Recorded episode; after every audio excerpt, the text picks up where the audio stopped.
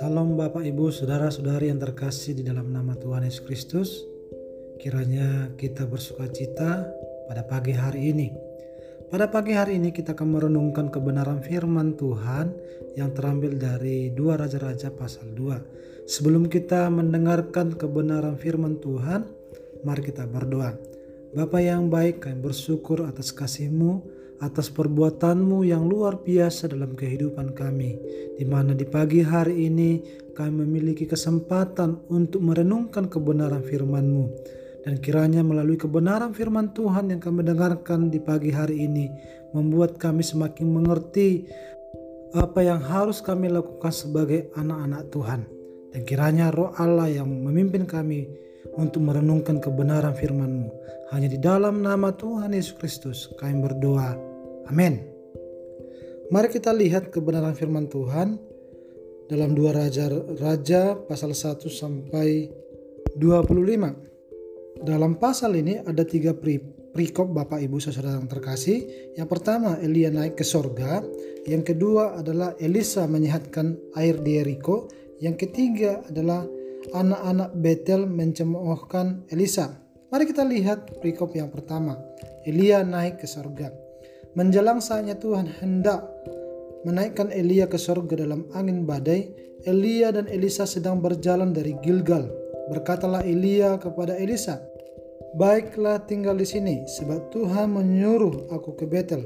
Tetapi Elisa menjawab, Demi Tuhan yang hidup dan demi hidupmu sendiri, sesungguhnya aku tidak akan meninggalkan engkau. Lalu pergilah mereka ke Betel. Pada waktu itu keluarlah rombongan nabi yang ada di Bethlehem mendapatkan Elisa. Lalu berkatalah mereka kepadanya, Sudahkah engkau tahu bahwa pada hari ini Tuhanmu akan diambil daripadamu oleh Tuhan terangkat ke surga? Jawabnya, Aku juga tahu, diamlah. Berkatalah Elia kepadanya yang kedua kali, Hai Elisa, baiklah tinggal di sini sebab Tuhan menyuruhku pergi ke Riko. Tetapi jawabnya, demi Tuhan yang hidup dan demi hidupmu sendiri, Sesungguhnya aku tidak akan meninggalkan engkau. Lalu sampailah mereka di Yeriko. Pada waktu itu mendekatlah rombongan nabi yang ada di Yeriko kepada Elisa serta berkata yang sama juga seperti yang pertama. Sudahkah engkau tahu bahwa pada hari ini Tuhanmu akan diambil daripadamu oleh Tuhan terangkat ke surga? Jawabnya, aku juga tahu, diamlah. Berkatalah Elia kepadanya, baiklah tinggal di sini. Ini yang ketiga kali Bapak Ibu Saudara terkasih. Sebab Tuhan menyuruh aku ke sungai Yordan, jawabnya, demi Tuhan yang hidup dan demi hidupmu sendiri, sesungguhnya aku tidak akan meninggalkan engkau. Lalu berjalanlah keduanya. 50 orang dari rombongan Nabi itu ikut berjalan, tetapi mereka berdiri memandang dari jauh. Ketika keduanya berdiri di tepi sungai Yordan, lalu Elia mengambil jubahnya, digulungnya, pukulkanlah ke atas air itu, maka berbagilah air itu ke sebelah sini dan sebelah sana sehingga menyeberanglah keduanya dengan berjalan di tanah yang kering. Dan sesudah mereka sampai di seberang, berkatalah Elia kepada Elisa, Mintalah apa yang hendak kulakukan kepadamu sebelum aku terangkat daripadamu. Jawab Elisa, biarlah kiranya aku mendapatkan dua bagian dari rohmu. Berkatalah Elia, yang kau minta itu adalah sukar. Tapi jika engkau dapat melihat aku terangkat daripadamu, akan terjadilah kepadamu seperti demikian, dan jika tidak, tidak akan terjadi. Sedang mereka berjalan terus sambil berkata-kata, tiba-tiba datanglah kereta berapi dengan kuda berapi memisahkan keduanya. Lalu naiklah Elia ke surga dalam angin badai. Ketika Elisa melihat itu, maka berteriaklah ia, Bapakku, Bapakku, kereta Israel dan orang-orangnya yang berkuda, kemudian tidak dilihatnya lagi. Lalu direnggutkannya pakaiannya dan dikoyakannya menjadi dua koyakan. Sesudah itu dipungutnya jubah Elia yang telah terjatuh. Lalu ia berjalan hendak pulang dan berdiri tepi sungai Yordan. Ia mengambil jubah Elia yang telah terjatuh itu. Dipukulkannya ke atas air itu sambil berseru, Di manakah Tuhan Allah Elia? Ia memukul air itu lalu terbagi ke sebelah sini dan ke sebelah sana. Maka menyeberanglah Elisa. Ketika rombongan Nabi yang dari Yeriko itu melihat dia dari jauh, mereka berkata, Roh Elia telah hinggap pada Elisa. Bapak Ibu Saudara yang terkasih, satu hal pertanyaan bagi kita. Apakah roh yang dimiliki oleh Elisa adalah rohnya Elia? Bapak Ibu bisa renungkan, kadang-kadang kita salah memahami kebenaran firman Tuhan. Tapi perlu kita ketahui bahwa roh yang ada dalam Elia adalah roh Tuhan. Dan juga roh yang ada pada diri Elisa adalah roh Tuhan. Oleh sebab itu Bapak Ibu saudara yang terkasih, roh yang dimiliki oleh Elisa bukanlah rohnya Elia, tetapi rohnya Tuhan. Bapak Ibu saudara yang terkasih, waktu kita membaca perikop ini, uh, satu hal yang perlu kita lihat di mana kepemimpinan Elia adalah kepemimpinan yang baik. Kenapa saya katakan seperti itu? Bahwa dia berhasil untuk memuridkan Elisa. Dan kita melihat dalam perikop ini Elisa tidak mau jauh-jauh dari Elia.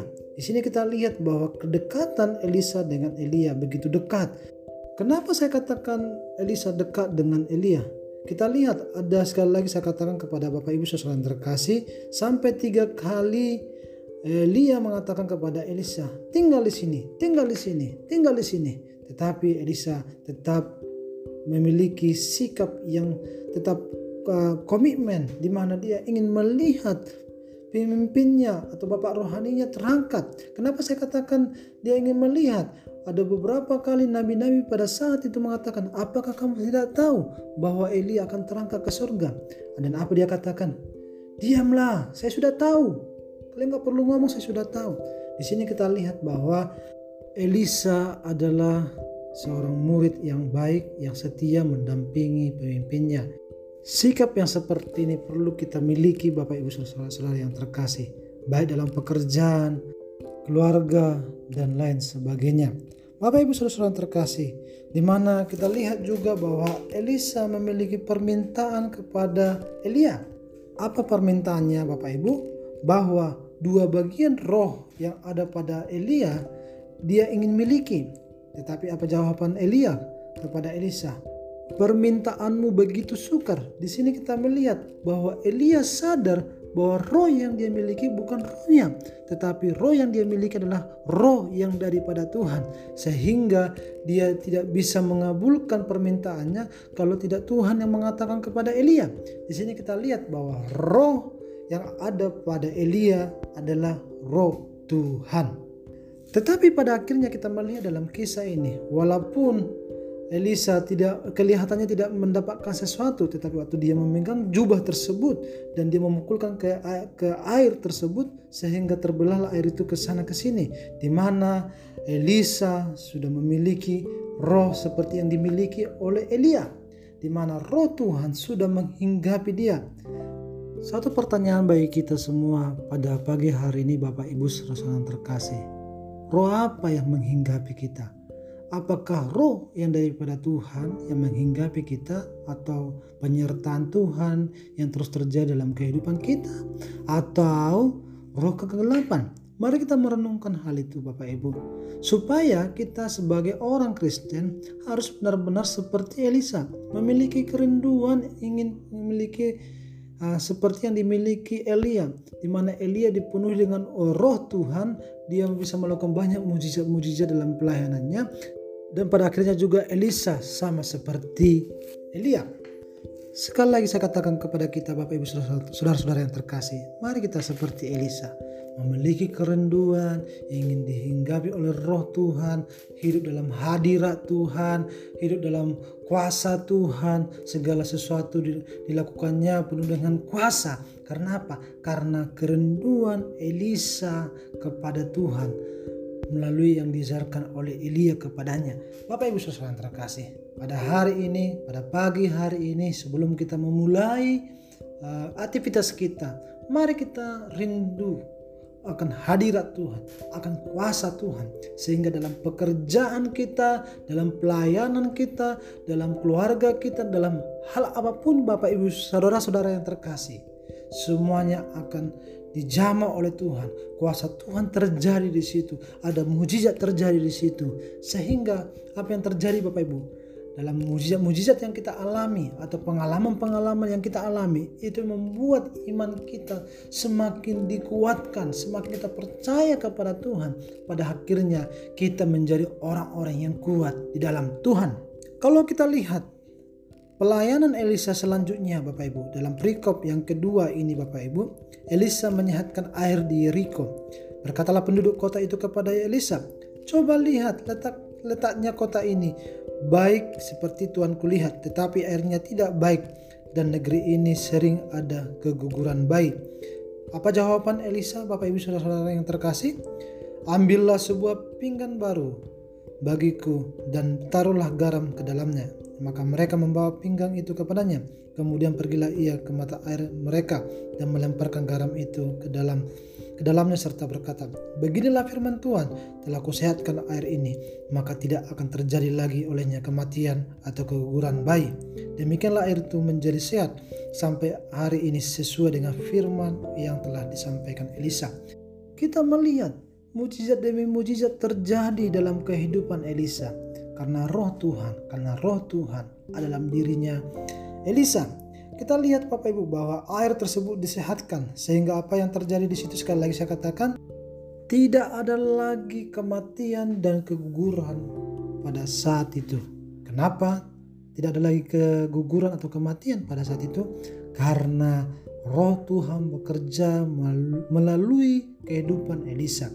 Karena Elisa sudah dipenuhi oleh roh Tuhan. Dan berikutnya kita lihat perikop perikopnya Bapak Ibu Saudara-saudara yang terkasih.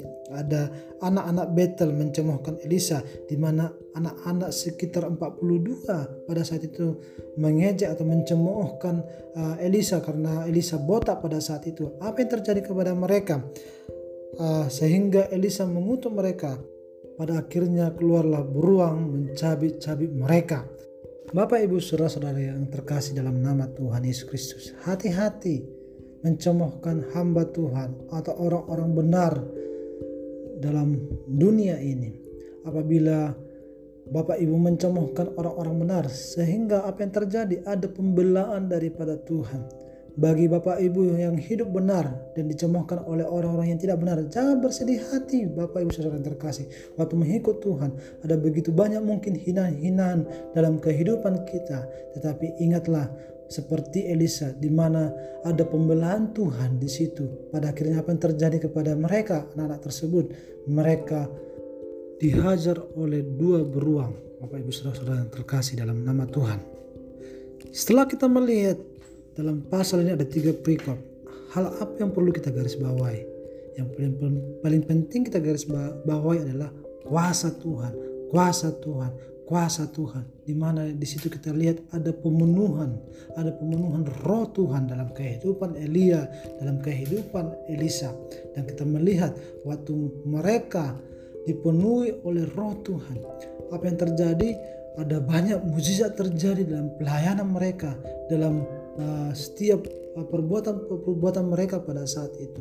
Oleh sebab itu Bapak Ibu Saudara yang terkasih, pada hari ini saya mengingatkan kita semua baik di mana pun kita berada pada saat ini, mari kita memiliki kerinduan untuk dipenuhi Tuhan. Mari kita membangun persekutuan dengan Tuhan. Mari kita datang kepada Tuhan, ingin terus dekat kepada Tuhan seperti Elisa kepada Elia. Dia ingin terus uh, bersama-sama terus dengan Elia. Kenapa? Karena dia ingin mendapatkan roh yang sama seperti yang dimiliki oleh Elia. Dan begitu juga dalam kehidupan kita. Mari kita terus dekat dengan Tuhan. Dekat dengan Tuhan melalui kebenaran firman Tuhan yang kita dengarkan. Melalui puji-pujian yang kita dengarkan. Biarlah kiranya melalui puji-pujian, melalui doa-doa kita, melalui kebenaran firman Tuhan. Membuat kita ingin terus dekat dengan Tuhan sehingga apa yang terjadi? Kita mengalami kepenuhan roh. Kita mengalami kepenuhan roh. Sehingga apa yang kita lakukan akan berhasil seperti siapa Bapak Ibu? Seperti Yusuf di mana Tuhan terus menyertai dia, di mana Tuhan terus bersama-sama dengan dia, sehingga apa yang terjadi, walaupun dia menghadapi suatu banyak persoalan, penderitaan, masalah dalam kehidupannya, tapi apa yang terjadi? Tuhan membela dia. Sama halnya dalam kehidupan kita sebagai anak-anak Tuhan. Waktu kita hidup bersama Tuhan, Tuhan selalu membela kita. Kita tidak perlu meminta pembelaan kepada Tuhan. Waktu kita hidup sesuai dengan kehendak Tuhan, secara otomatis Tuhan akan membela kehidupan kita sehingga Bapak Ibu akan melihat perjalanan Bapak Ibu bahwa perjalanan Bapak Ibu benar-benar ada penyertaan Tuhan di sana. Pada pagi hari ini sekali lagi saya katakan kepada kita semua satu poin yang perlu kita ingat. Mari kita dipenuhi oleh kuasa Tuhan. Kiranya kebenaran firman Tuhan yang kita dengarkan pada pagi hari ini Bapak Ibu membuat kita semakin lebih bersinergi datang kepada Tuhan, lebih sungguh-sungguh lagi datang kepada Tuhan. Mari kita berdoa. Terima kasih Allah yang baik atas kebenaran firman Tuhan. Kiranya setiap uh, hamba-hambamu, anak-anakmu Tuhan yang mendengarkan kebenaran firman ini mereka akan mengalami kepenuhan daripada Tuhan. Mereka akan disertai oleh Engkau Tuhan. Sehingga apa yang mereka lakukan akan berhasil. Apa yang mereka lakukan Tuhan akan pimpin. Penderitaan-penderitaan yang mereka alami Tuhan memperhatikan hal itu membela mereka Tuhan pada waktunya Tuhan. Terima kasih Allah yang baik atas kebenaran firman Tuhan ini. Hanya di dalam nama Tuhan Yesus Kristus kami berdoa. Haleluya. Amin. you